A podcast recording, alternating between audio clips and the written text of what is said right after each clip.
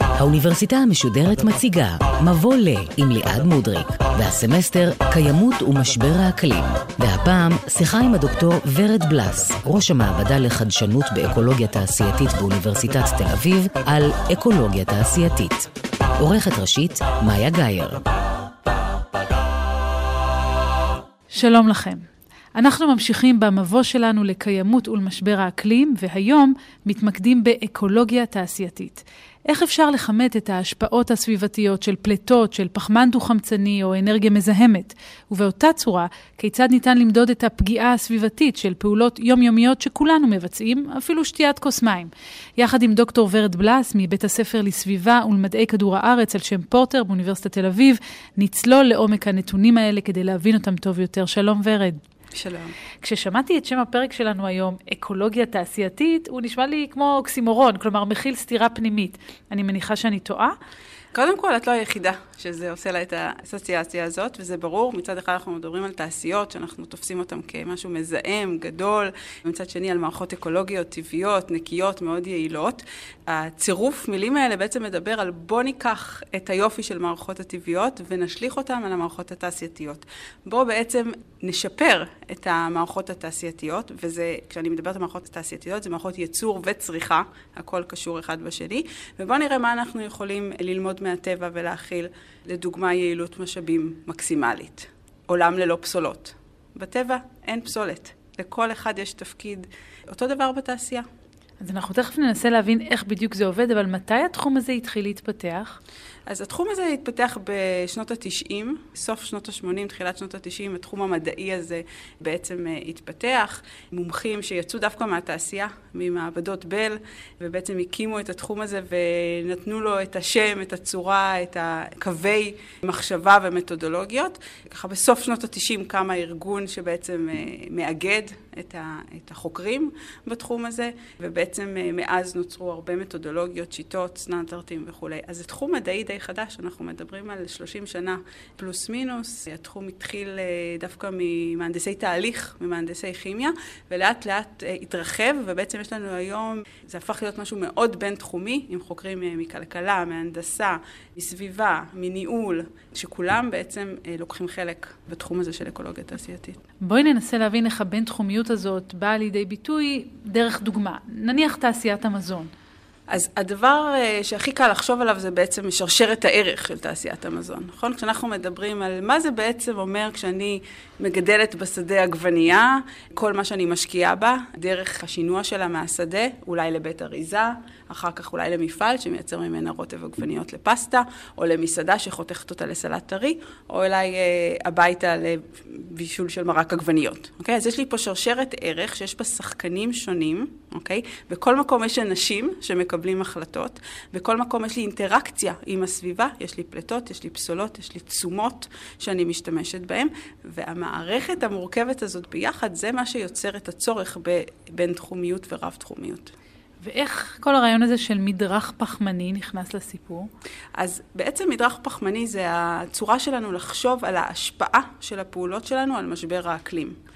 עכשיו שוב, אנחנו אולי רק בסוף אה, חותכים את העגבנייה על הסלט הטרי שלנו אה, בארוחת הערב, אבל העגבנייה הזאת עברה דרך ארוכה עד שהיא הגיעה אלינו לצלחת, ורוב הפליטות של גזי החממה שבעצם מייצרות לנו את המדרך הפחמני ואת טביעת הרגל, נוצרו הרבה קודם. לא פגשנו את החקלאי, לא ראינו את הטרקטור, לא ראינו את המשאית נוסעת לסופרמרקט, אבל שם נוצרות הרבה מאוד מהפליטות. והמדרך הפחמני זה בעצם הדרך שלנו לכמת את סך כל הפליטות שקשורות להתחוממות גלובלית ומשפיעות על משבר האקלים, ולתת לנו מספר אחד פשוט, שאומר לנו זה המשמעות של האפקט הסביבתי שאתה יוצר מהרגע שאתה מתחיל לייצר את אותו מוצר, את אותה עגבנייה, עד לרגע שסיימת לצרוך אותה והגיע אה, אולי השאריות שלה לפח האשפה, או השאריות מזון שזרקתי אה, מהרוטב הפסטה שלו, אז זה כמו מין תו אה, אנרגיה, או איזושהי כמות, מספר, גודל,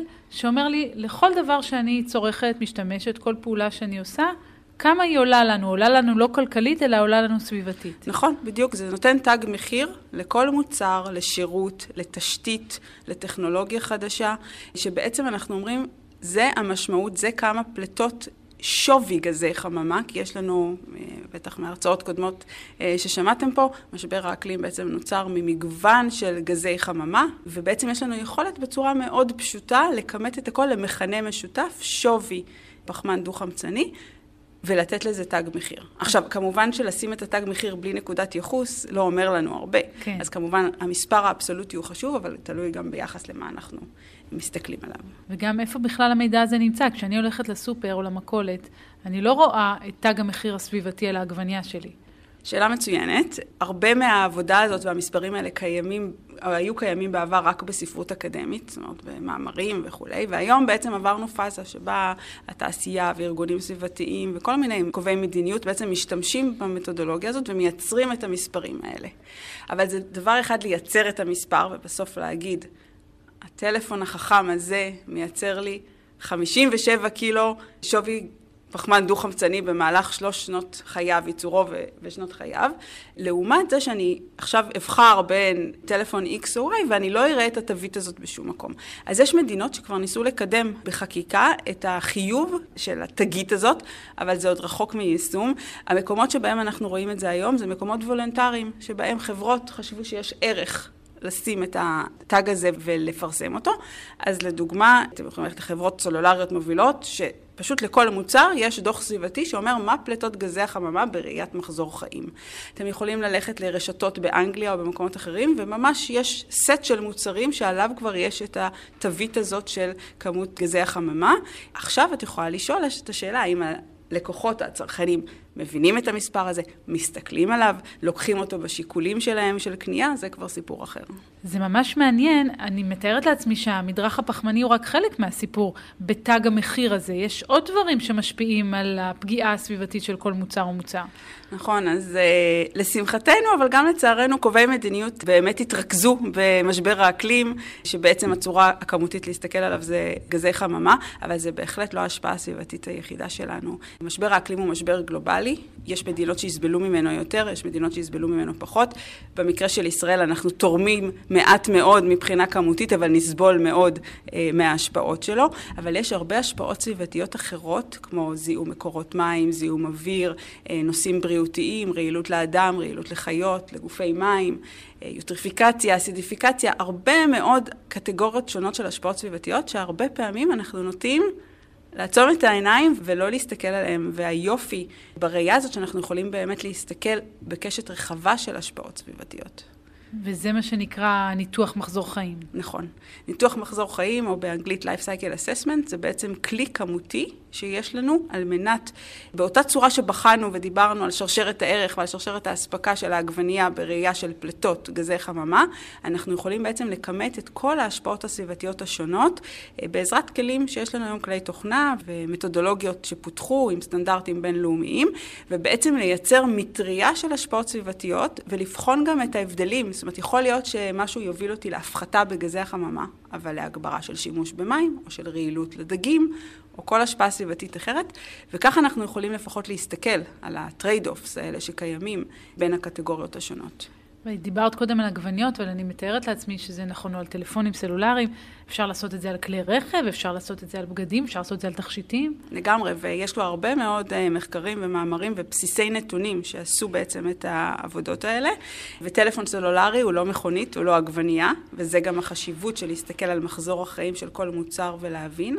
יש לנו מוצרים שבהם רוב ההשפעה קורית בשלב הייצור של. מוצר, לדוגמה בטלפון סלולרי, 80% מפליטות גזי החממה במחזור החיים קורות בשלב הייצור של חומרי הגלם והטלפון. ורק 15% מההשפעה מגיעה משלב השימוש, שבמקרה של טלפונים הוא בעיקר הטעינה כן. שלנו. אבל אנחנו לא נראה את גזי החממה מסתובבים לנו בחדר או עולים לנו מהטלפון. זה כמובן בעקיפין מייצור החשמל, שבו אנחנו טוענים את הטלפון וכולי. לעומת זאת רכבים, רכבים שהם אה, עם מנועי בעירה פנימיים, לפני שנגיע לרכבים אלטרנטיביים, 15% מפליטות גזי החממה קורות בשלב ייצור הרכב, ולמעלה מ-80% בשלב הנסיעה, הבעירה, השריפה של הדלק. ואז כל המנגנון של איפה, איפה להתמקד, כן. איפה לעשות שיפורים בביצועים, משתנה. וכדי בכלל שנדע איפה להתמקד, אנחנו חייבים להבין קודם כל איפה ההשפעה מתרכזת. אמרת קודם אה, כלי רכב מסוג אחר, וגם כאן זה לא כל כך פשוט כמו שזה נראה. נכון, אז יש לנו היום כלי רכב היברידיים וכלי רכב חשמליים מלאים, אז במקום לתדלק בדלק, אנחנו טוענים את הרכב בחשמל מהקיר, נכון? עכשיו, החשמל שמיוצר בישראל לא מיוצר באותם אמצעים כמו שהוא מיוצר בקליפורניה, או בדנמרק, או בנורבגיה, או בסין. וכל רשת חשמל כזאת מגיעה עם מדרך פחמני משל עצמה. אז כשיש לי מקורות שהם בעיקר פחם וגז, המדרך הפחמני יהיה יותר גבוה. כשיש לי מקורות מתחדשים של שמש ורוח, המדרך יהיה יותר נמוך. ולכן הקטע של רשת החשמל והטעינה ברכבים חשמליים היא ממש ממש קריטית. ברכבים חשמליים כן יש יותר השפעה בשלב הייצור, אבל אפשר לאזן אותה מאוד אם הרשת שלנו תהיה נקייה והטעינה תהיה ממקורות נקיים, ולצערי הרב זה כמובן עוד לא המצב בישראל. זאת אומרת שלפני שאנחנו בוחרים להעביר את כל הצי שלנו למכוניות חשמליות, יש לנו עבודה גדולה לעשות בלנקות את הרשת. מה לגבי מחזור? גם לו, אני מתארת לעצמי, יש איזשהו מדרך פחמני. אז מחזור הוא בעצם עוד חלק בשרשרת הערך. אם פעם נהגנו לחשוב, אה, ah, מכרנו את המוצר, להתראות, אנחנו לא כן. רואים אותו יותר, לא אכפת לנו. היום בעצם שרשרת הערך שלנו התארכה. אז זה לא מספיק שהשתמשנו במוצר, אנחנו גם מתייחסים למה שנקרא סוף מחזור החיים של המוצר. ולתהליכי איסוף הפסולת, השינוע שלה, המחזור שלה, או מציאה של אפשרויות לשימוש חוזר בחלק מהדברים, לכל הדברים האלה יש מדרך פחמני והשפעות סביבתיות שונות. אוקיי? אנחנו ו... יודעים למשל מקרים שבהם המחזור עצמו הוא אולי יותר צורך אנרגיה, יותר בעייתי מאשר חוסר המחזור? אז לרוב מחזור משתלם מבחינת אנרגיות, מבחינת פליטות, אבל בהחלט יש לנו מקרים, לדוגמה, קרטון בארצות הברית, לא תמיד מבחינה אנרגטית שווה למחזר. הפקטור הוא כמעט... כי ההוצאה על המחזור עצמה... כן, כי מרחקי השינוע הם גדולים, כי אם מפעל המחזור לא נמצא יחסית קרוב למקור שבו מייצרים את הפסולת וכולי. אבל זה באמת מקרה יוצאי דופן, כששוב, השיטה והמתודולוגיות של אקולוגיה תעשייתית עוזרות לנו לבחון את זה בצורה כמותית. לצערי הרב, לא בחנו את הדברים האלה לישראל. אוקיי? אבל במדינה קטנה, שבה אין מרחקים גדולים, אם היה לנו את כל מפעלי המחזור פה בישראל, מכל הסוגים, סביר להניח שזה מאוד משתלם. אני יכולה להגיד לך שלדוגמה באלומיניום, אנחנו מדברים על פי 20 חיסכון באנרגיה. זאת אומרת, קילו אלומיניום ממוחזר, אנחנו משקיעים 20 פעמים פחות האנרגיה לעומת קילו אלומיניום, מה שאנחנו קוראים בתולי, שלקחנו מהקרקע, הפרדנו, מיצינו וכולי. את עצמך עוסקת בפיתוח שיטות חדשות לנתח מחזור חיים, נכון? כן, בין היתר, גם בפיתוח שיטות, הביצוע של ניתוחי מחזור חיים זה משימה לא פשוטה, שלוקחת הרבה מאוד זמן ומשאבים, וכשאין לך נתונים מקומיים, זה מתחיל להיות בעייתי. ולכן אתה יכול לאסוף נתונים לישראל, אבל אם בסוף אין לך נתונים שאתה יכול לעבוד איתם על מערכת המים בישראל, על מערכת החשמל בישראל, אתה לוקח את הנתונים הכי קרובים ש... אפשר, אבל זה עדיין כמובן לא מדויק. בין היתר מה שאנחנו עושים אצלי בקבוצת המחקר זה לחשוב על איך אפשר להשתמש בניתוחי מחזור חיים לקבלת החלטות פעם אחת, בלי לעשות שוב את כל ניתוח מחזור החיים, ופעם שנייה העבודה של באמת, כשאין לי את הנתונים המקומיים, איך לקרב אותם הכי טוב לבסיסי נתונים שכבר קיימים ממקומות אחרים, בעזרת כלים סטטיסטיים של אה, למידת מכונה וכולי. אז אם ניקח כדוגמה נגיד את אה, מחזור החיים של מערכת המים בישראל, אם אני רוצה לדעת מה המחיר הסביבתי של, בראיית מחזור חיים של קוב מים בארץ, איך עושים את זה? אז זה מצריך uh, עבודת דוקטורט של כמה שנים, שאנחנו ביצענו uh, uh, במסגרת המחקר אצלנו. בכמה דקות. Uh, ושעשתה uh, דוקטורנטית לשעבר שלי שסיימה, uh, דוקטור נועה מירון, ובעצם הלכה ובחנה את כל מערכת המים בישראל. וכשאני אומרת מערכת המים בישראל, זה ללכת אחורה למוביל הארצי. שתוכנן בשנות ה-50, 60, אוקיי? ואת כל המשאבים שבעצם בהקמה השקעתי שלו. כן. בהקמה שלו, שאני משקיעה היום ב... בהחזקה שלו, כל מערכת ההובלה בערים, נכון? אז המוביל הארצי זה הרשת המרכזית, אבל יש לי היום הרבה, בכל עיר בסופו של דבר המים צריכים להגיע לי לברז שלי בבית, אז יש את מערכת ההולכה העירונית שהיא נראית אחרת. כמובן שיש את כל מה שקשור לשאיבה של מי תהום, לעומת שימוש בהם. יש לי הרבה סוגים של מים, היום אנחנו מתפילים בצורה משמעותית בישראל, אז כל הליך ההתפלה בעצם הוא תהליך ייצור מים נפרד שקורה ונכנס לתמהיל המים, לכן זה מצריך ללכת ולבחון את כל התשומות וכל התפוקות בכל שלבי התהליך של מערכת המים. לצורך העניין, מערכת המים היא המוצר שלנו פה, ובסופו של דבר אה, לכמת את חומרי הגלם ואת הכימיקלים ואת האנרגיה ואת המים שאולי השתמשנו ובטון ולא משנה מה, בשביל שמערכת המים הזאת בסופו של דבר תביא לי מים ראויים לשתייה באיכות שעומדת בסטנדרטים עד לברז אצלי בבית. אבל זה מועיל לנו היום לקחת בחשבון את עלויות ההקמה, העלויות האנרגטיות של ההקמה של המוביל הארצי? זאת אומרת, בשלב הזה זה חשוב? אז היום, מכיוון שאנחנו נסמכים כל כך הרבה על התפלה, ההתפלה תופסת לנו בעצם את המרכיב המרכזי של הפליטות ושל ההשפעה הסביבתית. אבל שוב, בניתוח מחזור חיים קלאסי, כשאני לוקחת את הכל ומכניסה לגבולות המערכת את כל המרכיבים, הקמה היא חלק מזה. זה ברור שבסופו של דבר להקמה יש חלק מאוד קטן בהשפעה. וההשפעה הגדולה זה התפעול היומיומי, המשאבות ששואבות והכימיקלים שמוסיפים, וכמובן ההתפלה שצורכת אנרגיה מאוד מאוד גדולה.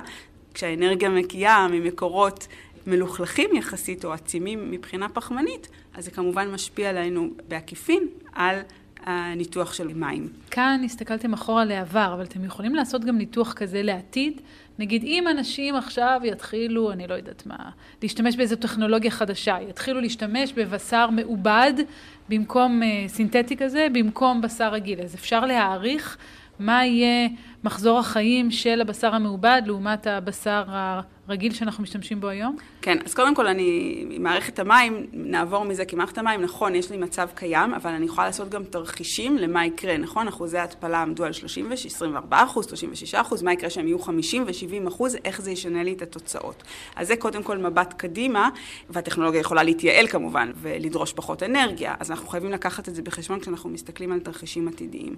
אבל לדוגמה של הבשר, אנחנו בהחלט היום יודעים לעשות ניתוחי מחזור חיים למה שנקרא Emerging Technologies. זה טכנולוגיות שעדיין נמצאות בפיתוח. הן לא הושלמו, הן לא נצרכות במסה גדולה, ועדיין היכולת שלנו היום לבסס את האנליזה על כלים קיימים, אבל לעשות להם את האדפטציה הנדרשת, קיימת כבר ומשתמשים בה, וזה בייחוד חשוב לחברות סטארט-אפ וחברות שיש להן רעיונות מצוינים באיך לעזור בבעיות הסביבתיות והחברתיות שקיימות, לבחון את הטכנולוגיות שלהם בראשית הדרך ולהבין כבר עכשיו לחזות איך הם יכולים לעזור, איך הם יכולים להפחית השפעות סביבתיות, וגם להבין, יכול להיות שהם מוסיפים השפעות סביבתיות מסוימות. מי משתמש או צריך להשתמש במחקרים האלה שאתם עושים של אקולוגיה תעשייתית? אני אומרת שתמיד שמחקרים של אקולוגיה תעשייתית, יש את המחקרים שמבוצעים באקדמיה, אבל היופי זה שיש הרבה כלים פרקטיים שכבר התעשייה יכולה להשתמש בהם וכבר קובעי מדיניות. אוקיי, אז אם אני אקח לדוגמה את קובעי המדיניות בישראל, אם הם רוצים להחליט איך מטפלים בפסולת בישראל, הם יכולים להשתמש בכלים ההם, להחליט האם עדיף להשיב אנרגיה, האם עדיף למחזר, האם עדיף להטמין. מזה שאת אומרת יכולים, אני מבינה שהם לא עושים. עדיין לא, אבל הם כבר נהיה, הסוויץ' הזה קיים ומבינים את החוזקה של הכלים האלה ומתחילים להכניס את זה לתהליך החשיבה וקבלת ההחלטות. עדיין אין לנו צוותים מיומנים בכל משרדי הממשלה שיודעים לעשות את האנליזות האלה. מצד שני, התעשייה לא מחכה שהממשלה או קובעי המדיניות יבקשו את זה ממנה, וכל החברות הגדולות הגלובליות היום מחזיקות צוותים שיודעים לעשות את האנליזות האלה, ומתחילים לעשות אנליזות אם זה למשפחות של מוצרים, אם זה למוצרים ספציפיים, ואם זה לטכנולוגיות העתידיות, בשביל מראש לחשוב מה יהיו ההשפעות, וכמובן להכניס את זה לחלק מתהליך התכנון והעיצוב המוצר. זה יכול ממש לשנות את הדרך שבה חברות מתנהלות, נניח יותר שיתופי פעולה, או פחות שימוש בחומרים שיעלו את המדרך הפחמני? אז קודם כל זה יכול לתת לנו שקיפות. זה הדבר הראשון. זה יכול לתת לנו תמונת מצב קיימת, אוקיי? כדי שהחברות יפעלו במקומות שהם באמת יהיו משמעותיים, אני אחזור רגע לדוגמה של הרכב. אם חברת הרכב תמשיך לייעל את התהליכי ייצור של הרכב, אבל לא תתמקד באיך להפחית את משקל הרכב, איך לש... לעבור לדלק אלטרנטיבי, היא פספסה בגדול. אז קודם כל הכלי הזה הוא כלי לקבלת החלטות ולתכנון לטווח בינוני וארוך. זה הדבר הכי חשוב. ומעבר לזה, מכיוון שזה שרשרת ערך, מכיוון שזה ראייה רוחבית, לא רק על מה שבחצר האחורית שלי, אלא באמת כל מה שלפניי ואחריי בשרשרת, זה בהחלט מייצר פלטפורמה לדיון ולשיתוף פעולה בהפחתה. אני יכול לבחור ספקים על בסיס המדרך הפחמני של החלפים או החלקים שהם מוכרים לי, אם אני אדרוש מהם לתת לי את הנתונים האלה. כמובן שאם אני אתעלם מזה ולא יהיה לי את הנתונים, אני לא אעשה את זה, אבל אם אני מתחיל לדרוש מהספקים, והספקים מהספקים של הספקים, אנחנו יכולים לייצר פה בעצם פלטפורמות של שיתופי פעולה ואפקטיביות בצורה שאנחנו חושבים על תכנון המוצרים לעתיד. למה את רוצה שזה מה שהם יעשו, אני מבינה. למה שהם ירצו לעשות את זה? הרי מבחינת אינטרסים כלכליים, אני לא בטוחה שזה... אז תופס. קודם כל, אה, הרגולציה הולכת ומתפתחת, והיום יותר ויותר כלים רגולטוריים בעצם מבקשים ממך לאמץ את החשיבה הזאת. אומרים לך, אה, אדוני, אתה תהיה אחראי בסוף מחזור החיים של הטלפון הסלולרי הזה, לאסוף אותו ולמחזר אותו ולהוכיח לי שעשית את זה, מבחינה כלכלית, גם אם אתה נותן למישהו אחר לוגיסטית לעשות את זה. אבל רגע, אם אני עכשיו יכול לשנות את תכנון המוצר ככה שיהיה לי יותר קל לאסוף בסוף שם, טלפון יתפרק בקלות, שאני אוכל להוציא ממנו יותר חומרים ולמחזר, אז זה בעצם נותן לי איזשהו תמריץ כבר בשלב העיצוב של המוצר לחשוב על הדברים. אז זה פעם אחת. פעם שנייה זה נושאים שקשורים באסטרטגיה. אם אני חושב שניהול מחזור החיים של המוצר שלי, כמו שאני עושה אותו באמצעים כלכליים, כל אחד יודע מה העלות והרווח הכלכליים לאורך מחזור החיים שלו, אם אני רואה בזה ערך כי אני יכול לשפר את הביצועים הסביבתיים, כי אולי יש לי נישה של צרכנים שתרצה ומחפשת את המוצרים האלה, שיש עליהם את התגית של המדרך הפחמני, שיודעים שעשו פעולות מסוימות בשביל להפחית אותו, אז יש לי פה כבר אינטרס כלכלי ברור של עלות מול תועלת. אבל את רואה את זה בפועל או שעדיין לא? בהחלט, אנחנו רואים את זה. רוב פעילויות ניתוח מחזור החיים היום קורות באופן וולונטרי. לא באופן אה, רגולטורי, ואנחנו רואים בסקטורים מסוימים שממש יש דרישה, לדוגמה סקטור הבנייה הירוקה. יש היום חברות גדולות, קחי לדוגמה את סטארבקס, כשהם בונים סניפים חדשים, הם לא מכניסים לסניפים אף מוצר שאין לו LCA ו-EPD, שזה בעצם הסרטיפיקציה היותר קלה לעיכול של התוצאות ניתוח. וזה קריטריון מבחינתם, הם שואלים אותך לפני שאתה הופך להיות ספק שלהם, יש לך EPD, אין לך EPD, וייתכן ותתחיל להפסיד מכרזים בגלל זה. אז אה, כשזה קורה בצורה וולונטרית בסקטורים מסוימים, זה כבר נותן driver לספקים ולכל מי שבשרשרת הערך להתיישר ולעשות את האנליזות ולתת את המידע. אחת השאלות שחוזרות כאן בסמסטר הזה היא במי אנחנו צריכים להתמקד? ביצרנים, בצרכנים, ועד עכשיו דיברת על ניתוח מחזור החיים, רק נדמה היה לי לפחות, בעיקר מזווית הראייה של המוצר, אבל גם איך שאני משתמשת במוצר יקבע את ניתוח מחזור החיים שלו, לא? לגמרי. שלב השימוש הוא חלק משמעותי מניתוח מחזור החיים. יש לי את השלב של עד שזה יוצא משאר המפעל, ואז יש לי את שלב המכירה והשימוש לפני שהגעתי לסוף מחזור החיים. ושלב השימוש שלי כמובן מושפע מדפוסי ההתנהגות שלי. אם אני אכבס את הג'ינס שלי פעם בחודש, או כל יום, תהיה לזה השפעה משמעותית על סך המדרך הפחמני של הג'ינס.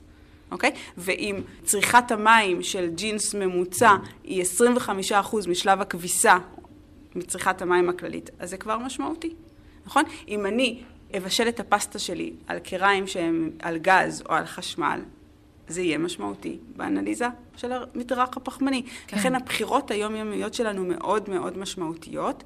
כשאנחנו מבצעים את ניתוחי מחזור החיים, זהו. אין לנו תמיד מידע מספיק טוב על שלב השימוש. איך אתם משקללים את זה? בדיוק. ופה חייבים להיכנס מתודולוגיות, אה, אפרופו הבין-תחומיות, של ביצוע סקרים, של רעיונות עם משתמשים, זאת אומרת מתודולוגיות יותר רכות, ופה השילטוף פעולה בין חוקרים מתחומים שונים הוא, הוא סופר קריטי. אבל בסופו של דבר אנחנו רוצים להבין דפוסי התנהגות ולתרגם אותם למודל שבעצם לוקח לוקח בחשבון את כל שלב השימוש. אה, אם אני נוסעת שלוש פעמים ביום לעשות קניות, כי כל פעם שכחתי, או אני מזמינה אונליין פעם בשבועיים, לכל דבר כזה יש בעצם השפעה. אז יש דוגמה לשימוש אה, מוצלח של מדינה או חברה בכלים האלה של אקולוגיה תעשייתית? אז אני אתן דוגמה שהיא כבר די ישנה, אבל היא מאוד מעניינת. חברת פרוקטר אנד גמבל לפני שנים רצתה לנסות להבין איפה האימפקט הכי גדול שלה, ואיך היא יכולה אה, להשפיע מבחינת צריכת אנרגיה עם סל המוצרים שלה. הם ביצעו ניתוחי מחזור חיים בתחום האנרגיה לסל המוצרים השונים שלהם, והם גילו שהצריכת אנרגיה הכי גבוהה קורית בשלב הכביסה בבית עם חומרי הכביסה שלהם. אמרו, אוקיי, מה אנחנו יכולים לעשות בשביל לפתור את הבעיה? ככה הם פיתחו את המוצר של, של נוזל לכביסה בטמפרטורה נמוכה, של כביסה במים קרים. בעצם הם גילו שהחימום של המים בכביסה ל-60 מעלות, 90 מעלות, הוא מה שצורך את הכי הרבה האנרגיה בתחום הכביסה, ופיתחו את המוצר הזה לכביסה קרה, אבל זה לא מספיק שהם פיתחו את המוצר, נכון? אם אני דואגת לתינוק הקטן שלי ואני שמה את הכל ב-60 או ב-90 להרתחה ליתר ביטחון, למרות שקניתי את החומר של הכביסה הקרה, כל האפקט הזה נעלם. ואז הם יכולים לפתח את המוצר, אבל בלי שאני אעשה שימוש נכון במכונה וישים אותה על ה-20-30 מעלות, כל האפקט נעלם. יש אגב מישהו שזה התפקיד שלו בחברות האלה? אז בחברות הגדולות היום יש הרבה uh, צוותים שבעצם לומדים את המתודולוגיה, והם צוותי LCA שעושים את הניתוחים בצורה פנימית. יש היום כמובן מנהלי קיימות בהרבה מאוד ארגונים. לרוב ניתוחי מחזור החיים עדיין קורים על ידי יועצים חיצוניים, מכיוון שהמתודולוגיה והידע בה הוא... הוא עדיין יחסית צעיר, אבל יש, יש כבר חברות גדולות, כמו דופונט, כמו חברות אחרות, שמחזיקות צוותים פנימיים שעושים את הניתוחים האלה. ולאן זה הולך כשאת מסתכלת קדימה על העתיד של האקולוגיה התעשייתית? מה את רואה? אז uh, אני רואה את, uh, את האקולוגיה התעשייתית כמדע קיימות. אני בעצם רואה את זה ככלים כמותיים לכימות השפעות סביבתיות. של מערכות ייצור וצריכה, ובעצם כל הקשרים שיש לנו עם כדור הארץ במסגרת הזאת, ואני רואה את זה ככלים מובילים לקבלת החלטות. זה בעצם הכלים היום שיש לנו הכי כמותיים להבנה של משמעויות סביבתיות של פעילויות עסקיות ושל פעילויות בכלל של האנושות. אז איך את רואה את זה ממש? בואי נתעסק רגע במדע בדיוני. מדע בדיוני זה שכל קובעי המדיניות, משרדי הממשלה מצד אחד, מצד שני כל העסקים, הם בעצם מתחילים להשתמש במתודולוגיות האלה או בתוצאות של מחקרים בתחום הזה לקבלת החלטות. זאת אומרת שאף מוצר לא מפותח לפני שעושים לו איזה screening ראשוני בניתוח מחזור חיים, שאף משקיע, אם זה משקיע מוסדי, אם זה משקיע ממשלתי, אם זה משקיע פרטי, לא שם את כספו על טכנולוגיות חדשות בלי שהוא רואה ניתוח מחזור חיים כלכלי, חברתי, סביבתי ומבין איזה טכנולוגיות אה, יובילו אותנו לאימפקט אה, חיובי. אני לא מזלזלת בכלכלה. הרווחיות והכלכלה חייבים להיות שם, קודם כל חייבות להיות שם, וזה ברור, אבל אנחנו רוצים בעצם להרחיב את היכולת שלנו לעשות קבלת אה, החלטות יותר מושכלת. ועוד נפליג ככה על כנפי הדמיון. כשאני אלך למכולת, אז אני אקח בחשבון את המדרך הפחמני נניח, את תג המחיר הזה כשאני מחליטה מה לקנות? אז בשבע שניות שאת עומדת ואולי בוחרת אה, איזה סוג קורנפלקס או איזה עגבנייה לקחת, זה באמת אה, מאוד מאוד מאתגר לחשוב גם על איכות וגם על מחיר וגם על אה, אולי הנוחות לקחת את זה והאריזה, ועכשיו פתאום גם המדרך הפחמני, אבל בהחלט זו השאיפה שלנו, שזה יהיה מספיק פשוט וקליט להבנה, שזה יהיה חלק מהתמחור שלנו. ניפגש כאן בעוד כמה שנים כדי לראות אם זה קרה? מה את אומרת? אני אופטימית, 20-30 שנה נתחיל לראות את השינוי, אולי אפילו כבר קודם. סגור. דוקטור ורד בלס, תודה רבה לך על השיחה הזאת. תודה רבה לכם.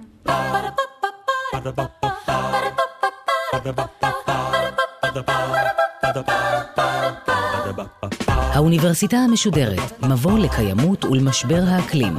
ליעד מודריק שוחחה עם הדוקטור ורד בלס, ראש המעבדה לחדשנות באקולוגיה תעשייתית באוניברסיטת תל אביב, על אקולוגיה תעשייתית. עורכת ראשית, מאיה גאייר. עורך ומפיק, יותם פוגל. ביצוע טכני, דני אור. האוניברסיטה המשודרת, בכל זמן שתרצו, באתר וביישומון גלי צה"ל, ובכל מקום בו אתם מאזינים להסכתים שלכם.